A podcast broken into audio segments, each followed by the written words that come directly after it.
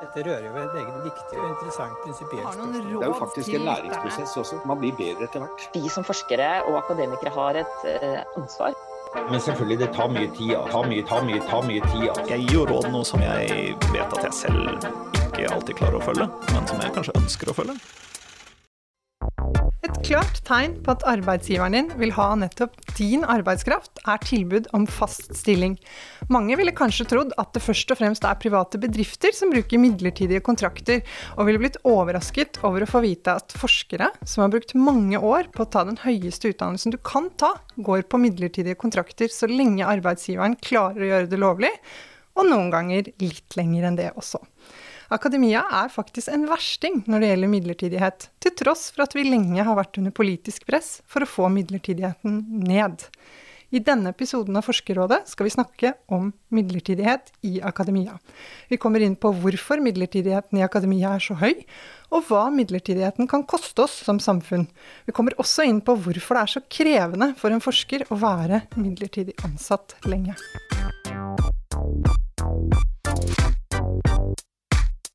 Vi skal jo snakke om mange av problemene med midlertidighet i dag.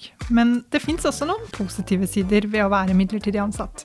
En som er opptatt av det, er professor i statsvitenskap ved Universitetet i Oslo, Tore Vik. Jeg ser, jo, jeg ser jo definitivt en del av de negative aspektene. At det kan være en nedside ved å være i tidlig i en forskerkarriere at det er eh, stor midlertidighet. Og så er det selvfølgelig sånn at mange eksempler trekkes fram i den diskusjonen som er veldig ille. F.eks. at folk har tre-fire postdokker og aldri får fast stilling eh, og brukes av eh, principal investigators og forskningsledere som på en måte nesten sånn forskerkveg på prosjekter for å gjøre konkrete jobber og sånne ting, og under veldig dårlige vilkår. Så det er på en måte en del, det finnes en negative eksempler. Men samtidig da, så, så syns jeg ofte at uh, kanskje fokuset er veldig Kanskje litt overdrevet negativt. Jeg tror mitt utgangspunkt er vel egentlig at Og det her er jo Nå høres det kanskje ut som jeg uh, på en måte eh, snakker fra en posisjon som fast ansatt, men jeg kan forsikre dere om at det er ting jeg mente også når jeg var midlertidig ansatt for ikke mange år siden, så jeg husker ganske godt hva jeg mente da. Og jeg tror mitt utgangspunkt er at det å være ansatt i akademia og få lønn som forsker, det er et enormt stort privilegium. Det er på en måte som å ha et statsfinansiert kunstnerstipend. At man på en måte får penger fra staten for å forfølge det man mener er viktig og sant, det syns jeg er helt utrolig stort privilegium. Og for meg har det alltid vært et kall. Så bare det at jeg får penger eh, for å gå på jobb, syns jeg er helt absurd. Eh, fordi jeg syns det er så utrolig morsomt å holde på med det, og det er så viktig og meningsfullt. Så i det lyset så skjønner jeg Eller så, så tenker jeg at eh, det kan være lurt å ha en viss grad av midlertidighet før man får en beskyttet fast stilling i denne ekstremt privilegerte posisjonen man er i som eh, forskeransatt av den norske staten.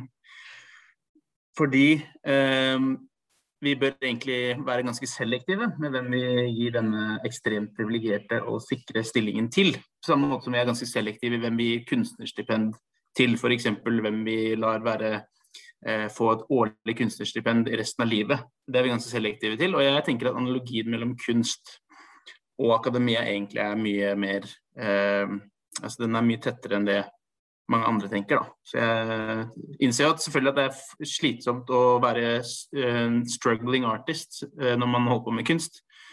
Og jeg tenker at eh, det er kjipt for de som er det, men det, det må henge ganske høyt å få en fast på en måte lønn av å være kunstner. Og da må vi vite de beste kunstnerne i Norge. Og jeg tenker litt det samme, ikke helt det samme, for det er ganske ulikt også på mange områder, men litt det samme for akademia. At vi må innse at det er et stort privilegium, og derfor kan det være eh, meningsfylt å ha en viss grad av midlertidighet før man får den ekstremt beskyttede stillingen som man er i når man er en fast forsker ansatt på et universitet.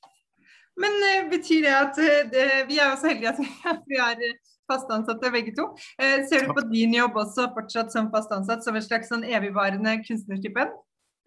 Altså, Den forskerbiten av det ser jeg på, det, på den måten, ja. Egentlig. Jeg kan forfølge de ideene jeg vil forfølge. Jeg har 50% undervisning, 50% forskning. Forskningsbiten er selvfølgelig helt fri. Eh, men så er det jo selvfølgelig andre ting, altså sånn uh, ønske om uh, å få store forskningsprosjekter, eksterne midler og sånne ting. De må jeg jo kjempe for. Og skrive søknader og gjøre en del ting som på en måte er, av mye mer sånn art, eller som, som er av mye mer administrativ karakter. Da. Så mye av arbeidsdagen min Jeg føler meg ikke som en kunstner i stor del av arbeidsdagen min. Jeg føler meg jo mer som en byråkrat når jeg skal søke om penger, men det er jo noe jeg velger selv fordi jeg søker om penger. Og hvis ikke jeg hadde valgt det, så hadde jeg hatt 50 fri tid til å gjøre akkurat hva jeg ville uh, når det gjelder forskning. Mm. Jeg kunne skrevet uh, bøker på norsk. Uh, altså min arbeidsgiver ville ikke kritisert meg hvis jeg ikke hadde søkt ERC-grant, liksom. Eller det, det ville ikke fått noen konsekvenser.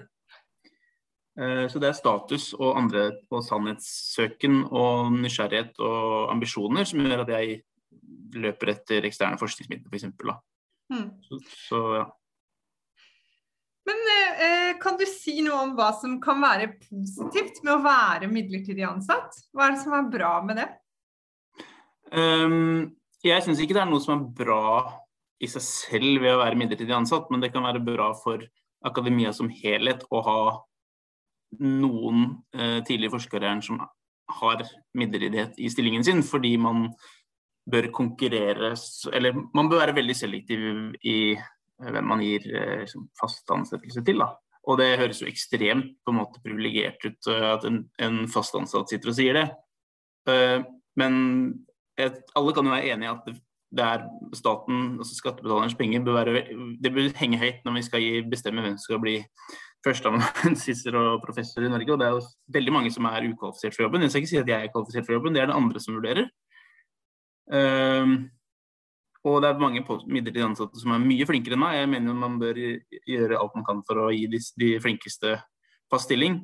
Og jeg er egentlig ganske for en sånn tenure track-modell, hvor hvor man har postdokker hvor det i slutten av postdokken er en mulighet for å få fast stilling. Man kan søke på, på måte, for, å, å, å, gjøre stillingen fast. Det syns jeg er i altfor liten grad brukt i Norge. Men jeg er ikke for en modell hvor man ikke bruker midlertidige stillinger i det hele tatt i begynnelsen av forskerløpet fordi det bør være et veldig trangt nåløye. Um, og jeg tror samfunnet er tjent med at man ja, gjør alt man kan for å gjøre det nåløyet så selektivt som mulig. Da. På samme måte som samfunnet er veldig selektivt med tanke på hvilke kunstnere som lykkes, veldig selektivt med tanke på hvilke private firmaer som lykkes. Det, det, er, en, det er, et stort element av konkurranse i både næringsliv, forskning og kunst og kultur. Og det mener jeg at måte, stillingsstrukturen i akademia til en viss grad bør reflektere.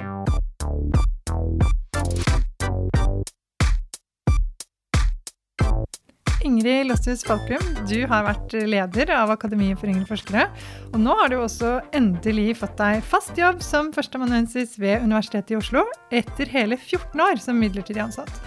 Du har også lang erfaring med å representere midlertidig ansatte i styret ved Universitetet i Oslo i to perioder. Hjertelig velkommen til Forskerrådet. Tusen takk.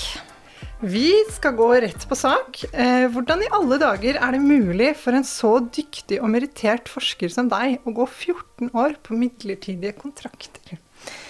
Eh, det er ikke så veldig vanskelig, egentlig.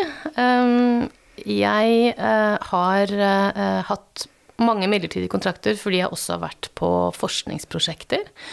Og de er jo typisk eh, Altså på forskningsprosjekter så lyser man jo ut midlertidige eh, postdoktor- og, og eh, forskerstillinger.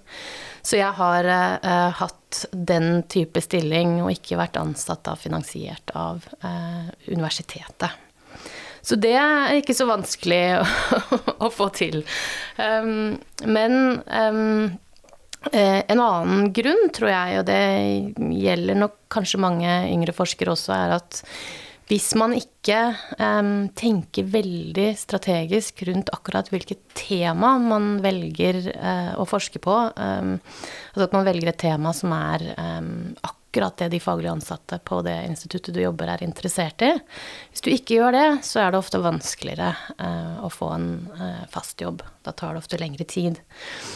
Um, jeg har eh, jobbet mye tverrfaglig, eh, og det er nok heller ikke en sånn veldig strategisk eh, et strategisk valg da, for, eh, med tanke på fast jobb. Fordi det lyses eh, nesten ikke ut tverrfaglige stillinger. De fleste stillingene er jo innenfor de allerede definerte disiplinene. Um, så det gjør det også vanskelig, og det er jo et paradoks, kan du si, fordi det, det, snakkes jo så mye om tverrfaglighet og hvor viktig det er, men det er uh, store utfordringer for yngre forskere som velger den veien, uh, særlig med tanke på fast jobb. Men Ingrid, hva måtte du gjøre for å få fast jobb til slutt, da? Uh, jeg klarte å lande et såkalt ERC-prosjekt fra det europeiske forskningsrådet. Og det eh, som er med sånne prosjekter, det er jo at eh, Kunnskapsdepartementet eh, kommer med en stor sum med det de kaller for insentivmidler til eh, institusjonen som får eh, dette, de, disse prosjektene. Eh, jeg tror disse insentivmidlene er omtrent på budsjettet, hele totalbudsjettet til prosjektet, så det er snakk om masse penger. Og så er disse eh, stipendene også innrettet sånn, det er jo veldig bra, um, at den som er prosjektleder, så kan ta med seg prosjektet til andre institusjoner. Så da står man i en ganske god forhandlingsposisjon da overfor eh, instituttet sitt. Det gjaldt også meg. Så da, da klarte vi å lande en fast jobb. Det er jo kjempebra. Gratulerer. Tusen takk. Ja.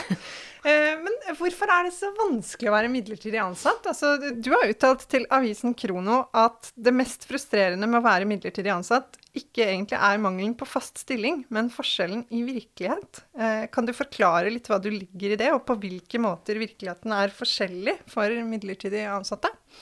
Eh, jeg opplever, eller sånn som jeg har opplevd uh, situasjonen på Universitetet i Oslo der jeg selv har jobbet, så er det en gjennomgående forskjellsbehandling av midlertidig og fast ansatte. og det handler bl.a. om hva slags arbeidsoppgaver man kan utføre som midlertidig og fast ansatt. For eksempel så er det jo sånn at mange midlertidig ansatte i eh, forsker- og postdoktorstillinger ikke får lov til å undervise eller veilede studenter. Og da blir det jo ganske vanskelig å få en førsteamanuensisstilling hvor det er et krav. Eh, men hva, hva, må disse midlertidig ansatte gjøre da, hvis de jobber f.eks. ved UiO og ikke får noe undervisning der? Altså, eh, hos oss eh, så har det jo vært eh, sånn at noen av de som er ansatt i forskerstillinger, særlig da, det er jo de, de som eh, dette særlig gjelder for, har reist til f.eks. Lillehammer, NTNU, andre steder, eh, og har hatt undervisningsoppdrag der. Så de har da lagt en 20% stilling oppå den 100% forskerstillingen de allerede har ved UiO. Kun for å få den undervisningserfaringen som de ikke får på sin egen institusjon. Men er det ikke litt rart hvis man opplever som midlertidig ansatt at arbeidsgiveren ikke satser på deg, men kanskje heller prøver å forhindre at du opparbeider deg rett til fast jobb? Jo, det er eh, en veldig spesiell situasjon. Jeg, eh, jeg, tviler på om man vil finne eh, en sånn type kultur noen andre steder enn i akademia. En kollega av meg har beskrevet det som en slags antipersonalpolitikk, der man altså selvsagt ikke med det som intensjon, men der man i praksis jobber for å forhindre den ansattes mulighet til å kvalifisere seg til en fast stilling. Uh, og det Sånn tenker jeg vi ikke kan ha det. Jeg er helt enig i det. Uh, og du har også sagt noe om at midlertidighet er et slags kulturproblem. Ja, altså jeg tror at ved uh, enkelte institusjoner så har det um, satt seg en sånn um, holdning som handler om at um, så dette her med forskjell i virkelighet, da, at midlertidig ansatte de skal ikke utføre eh, visse typer oppgaver. De kan ikke brukes til um, altså, Det handlet om dette med fortrinnsrett, at man er redd for at de skal opparbeide seg rettigheter til en fast stilling gjennom å gjøre undervisning og veiledningsoppgaver. Men så har det på en måte forplantet seg til en masse andre um, områder også. For eksempel så um, har jeg opplevd hos, hos, eh, på mitt eget institutt at eh, midlertidig ansatte f.eks. ikke har blitt inkludert i medarbeiderundersøkelser. Um, det har også vært veldig um, vanskelig å få ta del i strategiske prosesser liksom, som handlet om sant, utvikling av faget um, osv. som midlertidig. Um, det har vært um, diskusjon rundt om midlertidige kan få lov til å lede forskningsgrupper. Altså sånne ting som ikke egentlig har noe med den fortrinnsrettsdiskusjonen å gjøre, men, men det er en sånn ja, så det er en sånn opplevelse eller en sånn kultur som, som gjør at man behandler midlertidig ansatte på en annen måte. Tror du noen ganger at noen midlertidig ansatte føler at, at de ikke er ordentlig ansatt, på en måte? Ja, det tror jeg. Jeg, jeg tror at um, Altså, jeg kan snakke ut fra egen erfaring. Eh, jeg syns jo um, det å være fast ansatt Nå er jeg fast ansatt også uh, delvis samme sted som jeg var midlertidig ansatt. Det er en helt annen verden. Man blir jo inkludert i um, arbeidsmiljøet på en helt annen måte enn som midlertidig. Og det var jo også sånn da jeg ble ansatt at det var mange kolleger som jeg hadde gått i gangene sammen med i mange år, som ønsket meg velkommen som kollega da jeg ble fast ansatt. Og det var jo veldig hyggelig, men, men det sier jo også noe om um, uh, hva slags uh, rolle man har som midlertidig ansatt i arbeidsmiljøet, ofte på, uh, på, i akademia. Nå gjelder det selvfølgelig ikke alle steder, men, men, det er ganske vanlig at det er sånn, tror jeg. Um, en annen litt um, interessant ting er jo at eh, eh, også flere steder så Når man ser på ansattsidene på, eh, på eh, institusjonens nettsider, så kan man se at også deles Altså de ansatte kategoriseres da etter hvorvidt de er midlertidige eller fast ansatte. Og dette skulle egentlig ikke ha noe betydning for folk som er interessert i å finne en ansatt på nettsidene. Men det er en sånn kategorisering som er gjort, og det tenker jeg også er et uttrykk for den kulturen hvor man liksom automatisk skiller veldig mellom de to gruppene. Eh, midlertidighet kan jo være vanskelig for alle, sånn uavhengig av hva slags type midlertidig stilling du har. Eh, men postdoc-stillingen har blitt diskutert mye som en ekstra krevende eh, stilling å ha, og den skal jo være midlertidig. Men hvorfor er det så vanskelig å være midlertidig ansatt og postdoc? Det er jo sånn at uh, ifølge forskriften så skal jo postdoktorstillingen uh, være en stilling der man uh, kvalifiserer seg til en um, førstestilling i akademia.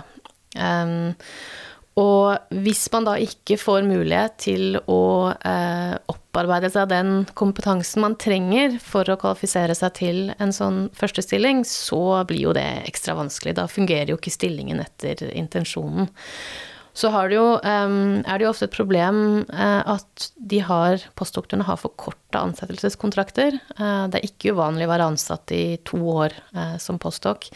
Da er det veldig vanskelig å se at man skal ha mulighet til å kunne kvalifisere seg til en fast vitenskapelig stilling i løpet av de to årene etter doktorgrad.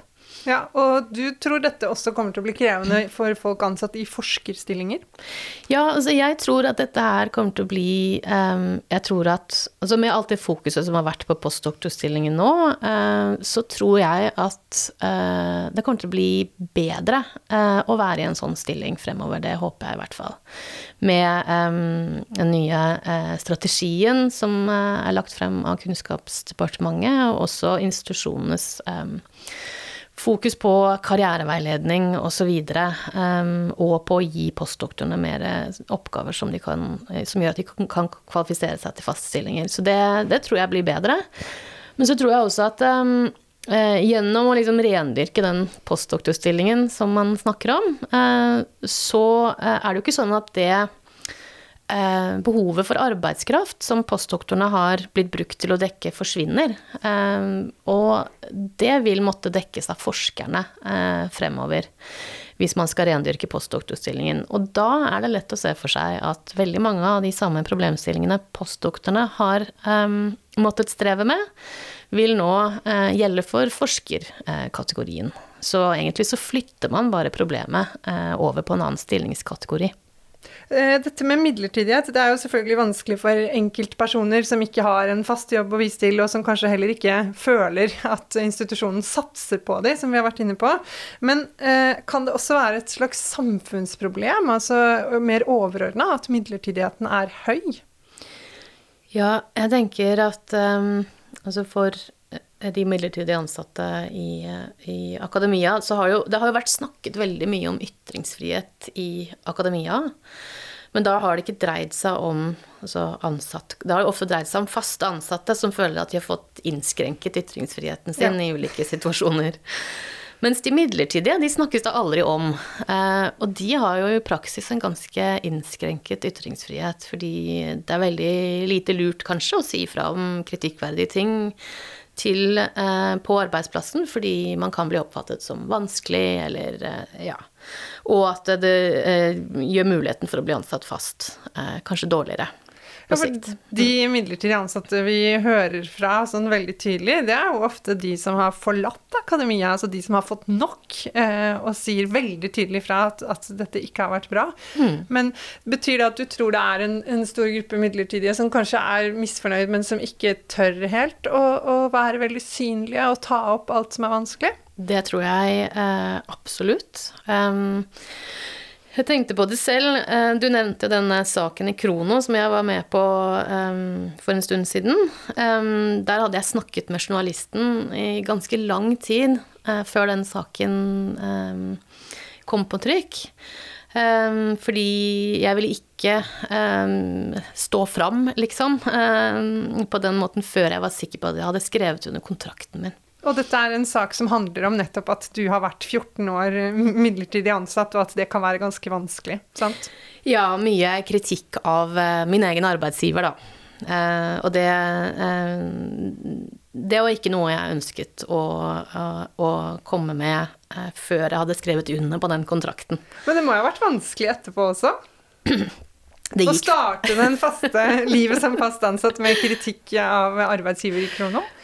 Ja eh, Det var Altså, det gikk overraskende bra, det, altså. Det var eh, selvfølgelig en instituttleder som ikke var helt fornøyd med det, eh, som jeg hadde noen runder med. Og noen kolleger som følte seg litt eh, støtta noe av det som sto der. Eh, men alt i alt så gikk det bra. Det var jo også, også noen kolleger som hadde vært der lenge, som eh, kom med tommel opp og sa det var bra at noen sa fra om det. Så, så det, var, det, var, veldig både òg, altså. Jeg vil jo tro at for de som er i en midlertidig stilling selv, så er det kjempebra at noen som har gått over i fast stilling, faktisk sier ifra om hvordan det kan oppleves. Ja, jeg, jeg, tror det, jeg, tror det, er viktig, men det er jo veldig problematisk at det er sånn at den gruppa der eh, har i praksis så lite ytringsfrihet.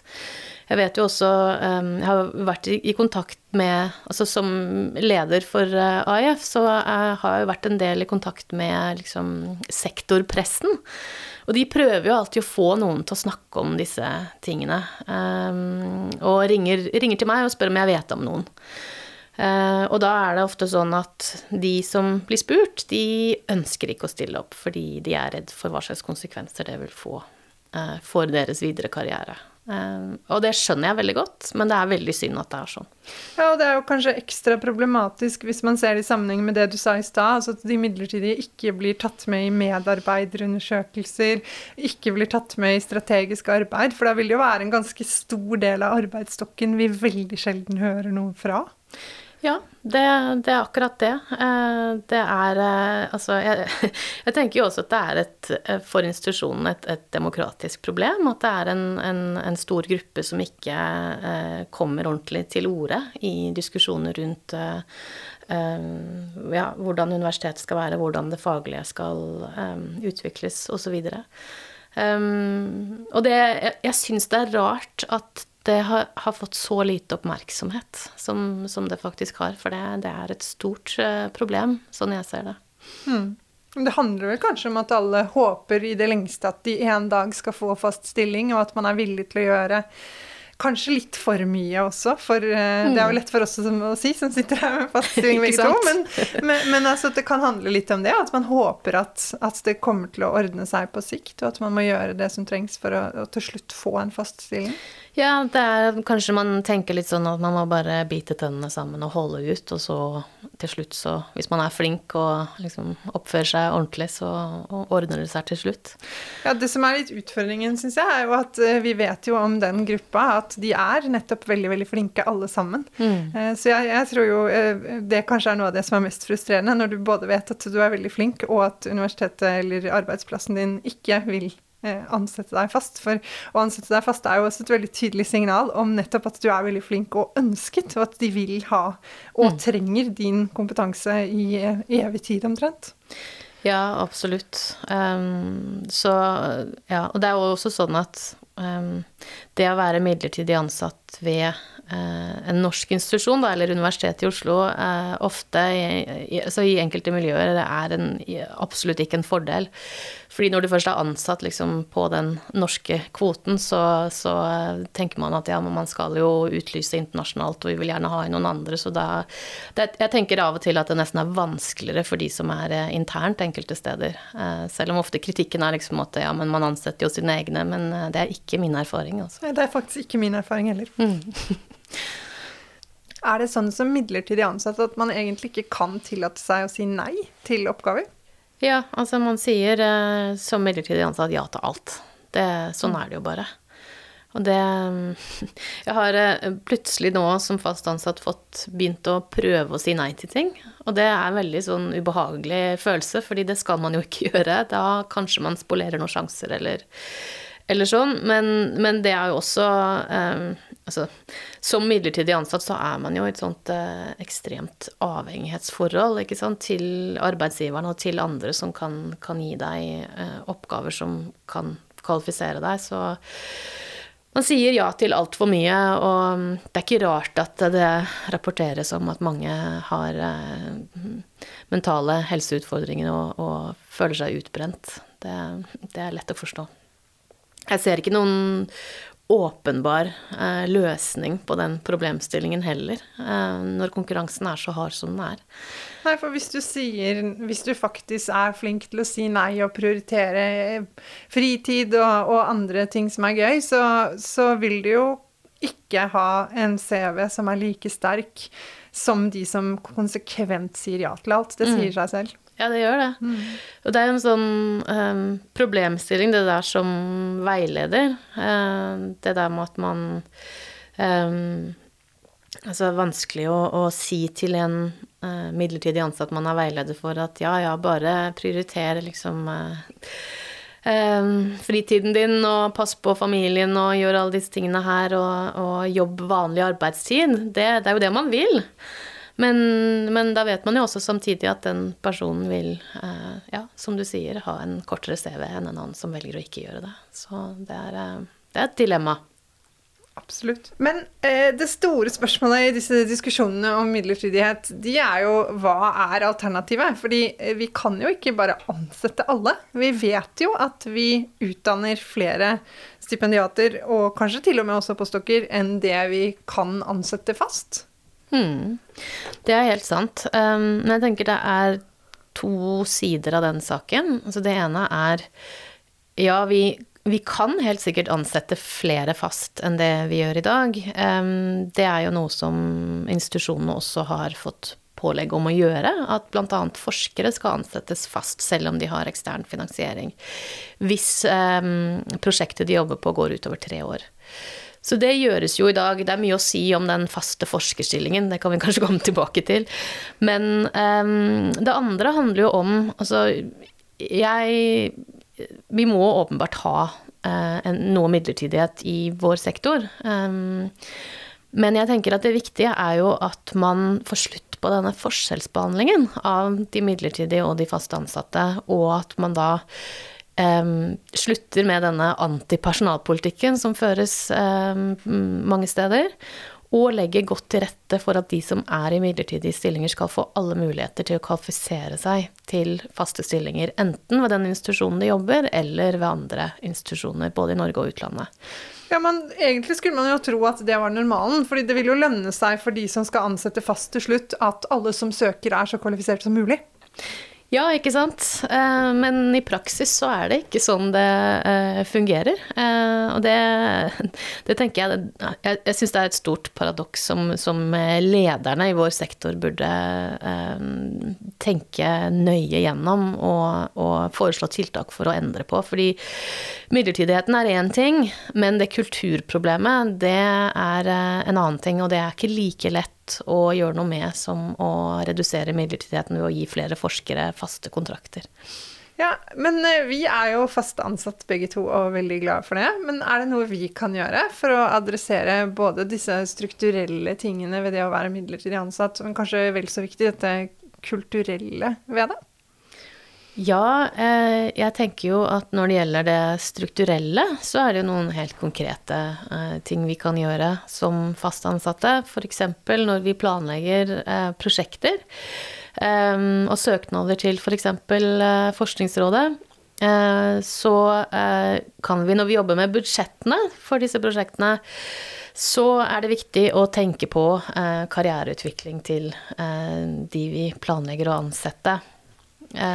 Ja, ja, det tror jeg også. Og jeg tror, jeg tror jo, kan jo si for min egen del, at eh, vi har hatt flere prosjekter hvor vi ansetter mange stipendiater. Og da mener jeg faktisk også at man har et ansvar i neste runde å se ok, burde vi nå ha tilsvarende, eller i hvert fall flere postdoktorstillinger, selv om de er dyrere, eh, for å bruke noen av, av de stipendiatstillingene vi legger inn da, som, som felt. Fordi det er jo veldig, veldig mange stipendiatstillinger. og ganske mange færre postdoktorstillinger.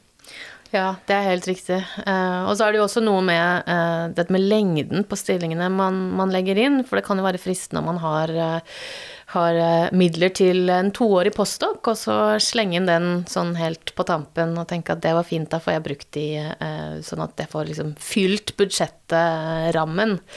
Um, uten at man egentlig tenker over hva det betyr, vil bety for karriereutviklingen til den man man ansetter. Ja, og det der er jo også veldig krevende, fordi hvis det er de første gangene du søker om midler, og du samarbeider med økonomiavdelingen f.eks., så tror jeg jo det er et av de første forslagene som kommer på bordet, er jo at hvis man trenger å spare inn, at vi kan kutte i antall år på postdoktorstillingen, fordi den må ikke juridisk sett være mer enn to år. Eh, men jeg syns jo alle har et ansvar for å tenke over hvor mye får du gjort i en toårig postdok, hvor du kanskje også har ganske mye ansvar for det prosjektet man planlegger? Absolutt. Og jeg tenker også at dette, dette her bør jo tas på et eh, høyere nivå også. Det burde jo Altså vi som ganske nye fast ansatte burde jo eh, informeres om alle disse tingene når vi eh, skal søke om prosjekter for første gang. Um, og det bør jo også være sånn at administrasjonen og de som jobber og hjelper oss med budsjettene, også tenker på, på disse tingene. Uh, mens, mens, det blir ofte et veldig sånn økonomifokus. Hva er billigst, hva er dyrest, hva, altså, hva, hva gagner dette prosjektet på den måten, men ikke, ikke de, um, noe særlig tanke på, på de man ansett, skal ansette. Nei, det handler nok ofte mer om hva slags arbeidskraft prosjektet har penger til og eh, behov for, og i mye mindre grad hva slags karriere man ser for seg for de man skal ansette. Det, det tror jeg dessverre du har helt rett i. Mm. Men er det noe vi kan gjøre sånn for det kulturaspektet ved hvordan det er å være midlertidig ansatt eh, sammen med oss faste? Ja, jeg tenker jo at um, den overgangen fra midlertidig til fast ansatt. Um, I den overgangen tror jeg det er lett å, å liksom bare legge alle de bekymringene og utfordringene man hadde som midlertidig ansatt, litt bak seg. Og tenke at ok, nå er det ferdig, nå, nå er jeg heldig og jeg har fått en fast stilling, nå har jeg lyst til å fokusere på, på det. Og det skal man selvfølgelig gjøre, men, men jeg tror det er viktig å, å ikke glemme det, um, det, man lærte som midlertidig ansatt, og ta det med seg. Uh, og ikke prøve å ikke la seg absorbere fullstendig i den, eh, den um, kulturen som er uh, uh, på institusjonen man jobber, hvor man skiller veldig tydelig mellom midlertidige og faste ansatte. Da. Um, en ting som jeg selv har um, hatt ganske god erfaring med, som jeg tenker kan være noe man kan gjøre, er jo liksom hele tiden stille spørsmål ved sånne vedtatte praksiser. F.eks. i utlysning av stillinger så har det vært eh, hos oss en del maler som har inneholdt liksom informasjon som Eller ting som er bindende når man har lyst ut, da. Som, som vil gjøre det vanskelig for en del eh, personer i midlertidige stillinger å søke på de stillingene som man lyser ut. Som man kanskje ikke tenker over. Og så er det jo ofte sånn at når man har dårlig tid og får en sånn mal, så tenker man ja, men jeg bruker jo den, for den får jeg fra arbeidsgiveren min. Men det er ikke sånn nødvendigvis at alt som står der, er eh, eh, altså hugget i stein. Nei, jeg, jeg, tror også du har helt rett i det, og at det er veldig viktig at noen tenker, altså tar det perspektivet på langsiktig karriere på vegne av de vi ansetter. Mm. Eh, og jeg er ikke helt sikker på at det er eh, de administrative malene som ligger der i utgangspunktet, at det perspektivet er tydelig nok der. Da. Kanskje snarere tvert imot. Ja, det tror jeg du har helt rett i. Så det Jeg tror vi gjør lurt i å uh, stille spørsmål ved en del sånne praksiser. Faktisk utfordre dem og se hvor langt vi kan, kan uh, strekke det. Fordi jeg mm. tror det er rom for Det er mer handlingsrom ofte enn man tror. Det er ja, min erfaring. Det tror jeg også. Og en annen ting jeg har prøvd å være ganske bevisst på, er jo dette med hvor mange eh, morsomme, meritterende, viktige oppgaver eh, jeg tilbyr til eh, folk som nettopp er i en stilling hvor de strengt tatt av strategiske grunner ikke kan si nei. Eh, fordi det, det, er en veldig vanskelig balansegang, syns jeg i hvert fall. Altså, for, fordi vi har veldig mange ting som, som, vil være bra for en midlertidig ansatt å ha vært med på. Mm. Eh, samtidig så må jo noen ta ansvar for summen summen av oppgaver eh, det blir totalt. Eh, og som vi var inne på i stad, så er det veldig vanskelig for en midlertidig ansatt eh, å, å si nei. Og, eller å, å, ta opp problemer eller utfordringer eller eh, sånne ting. Så at man hele tiden spør om det og, og sjekker at, at, det går bra, og, og at alle har det fint. Da tror jeg man kommer eh, ganske langt, hvis man gjør det. Ja, innenfor de rammene som er. Jeg tenker at mm. med oss som er fast ansatt, så trenger man ikke i samme grad å anta at du ikke får høre det hvis det er et problem. Da kan du anta at det får du høre. sånn, som prosjektleder så vil du få beskjed hvis det er noe som ikke stemmer, eller noen er misfornøyd med en oppgave de har fått, eller fristen er for kort, eller, mm. eller det, det, er noe å ta opp, da, så blir det tatt opp. Men jeg tror man må være ekstra var på den gruppa med midlertidig ansatte og se og, og, og dobbeltsjekke litt, da, at alt er til å leve med, og at det er gode forhold til enhver tid. Mm. Det, det, er veldig viktig. Um, så det går jo an å håpe at vi er en, en um, yngre generasjon som kommer inn, og som kan uh, endre på uh, en del av de uh, forutsetningene som har vært der veldig lenge nå. Ja, det må vi jo håpe. Og jeg mm. syns jo det er eh, Jeg er veldig enig i det du har sagt om at kulturforskjellen og den her opplevde virkelighetsforskjellen er kanskje det aller mest problematiske. Og den er det jo opp til alle ansatte ved hver arbeidsplass faktisk å gjøre noe med. Altså at man går ekstra langt for å inkludere de som er midlertidige, og gjør det beste ut av den tiden man uansett har sammen. Selv om man vet at den kanskje er midlertidig og begrensa. Mm. Ja, det tror jeg er eh, noe av det viktigste vi kan gjøre som eh, fast ansatte. Det tror jeg absolutt. I Forskerrådet så ønsker vi jo å gi konkrete råd til unge forskere spesielt. Eh, og Ingrid, som vår hovedgjest i dag, så har vi utfordret deg, og du har noen råd til de som er midlertidig ansatt. Ja, det, det har jeg. Og de kan jeg oppsummere i fem punkter. Så det første handler om at det er viktig å kjenne eh, rettighetene sine som eh, midlertidig ansatt. Og én måte å få mer innsikt i det på, er å organisere seg. Det eh, tenker jeg er eh, viktig. Det syns jeg også er kjempeviktig. Og eh, jeg vet ikke om det gjelder bare der jeg jobber, men jeg har sett en slags tendens til at eh, de som er fast ansatt, de er selvfølgelig fagorganisert, mens veldig mange midlertidige ansatte de melder seg inn eh, når det har oppstått krise, eller når de virkelig trenger det. Og det er jo ofte altfor sent. Så jeg er veldig, veldig enig i det, at man må sette seg inn i hvilke regler som gjelder. Og jeg tror mange òg har flere rettigheter enn de er klar over. Det er akkurat det. Um, og en del av disse lokale fag fagforeningene organiserer jo også kurs i eh, Kjenn dine rettigheter eh, for midlertidig ansatte. Så der er det mye god informasjon å hente. Um, det neste eh, punktet eh, handler om at det er viktig å ikke nødvendigvis akseptere alle, um, all den informasjonen man får om hvilke regler som gjelder for deg og din stilling, uh, som man kan få fra administrasjon og ledelse der man jobber. Veldig ofte, det er i hvert fall min erfaring, så er det sånn at dette ikke nødvendigvis stemmer helt. Så man må dobbeltsjekke, rett og slett? Ja, det tenker jeg at er veldig viktig å gjøre. Og dobbeltsjekke. Når du, når du, får en beskjed om at nei, men eh, du kan ikke gjøre denne jobben her fordi du har jo en sånn og sånn kontrakt, så eh, tenker jeg at det lønner seg å sjekke med noen eh, andre om dette virkelig gjelder. Og om det er samme praksis på andre eh, institutter på samme institusjon f.eks. For, eksempel, for det er det ofte ikke. Nei, det er min erfaring også, så det er også et veldig godt råd. Det neste punktet eh, handler om kar karriereveiledning.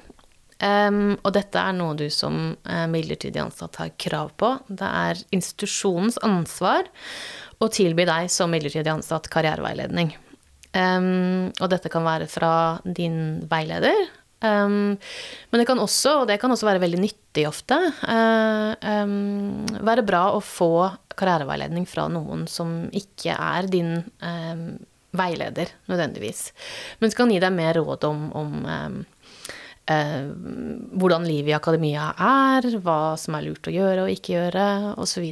Um, ja, det tror jeg også er veldig, veldig lurt. fordi eh, hvis man er ansatt på et prosjekt f.eks., så vil jo alle de som er eh, på det samme prosjektet, være veldig opptatt av nettopp prosjektets fremtid og framgang i prosjektet. Og da kan det jo være veldig eh, nyttig å snakke med noen helt andre også med hva tar du med deg ut av prosjektet, og hvilke kvalifikasjoner har du fått når du går videre? Hva vil lønne seg på lang sikt for deg fra fra, dette arbeidet. At du får eh, litt sånn utenfrablikk på din karriere.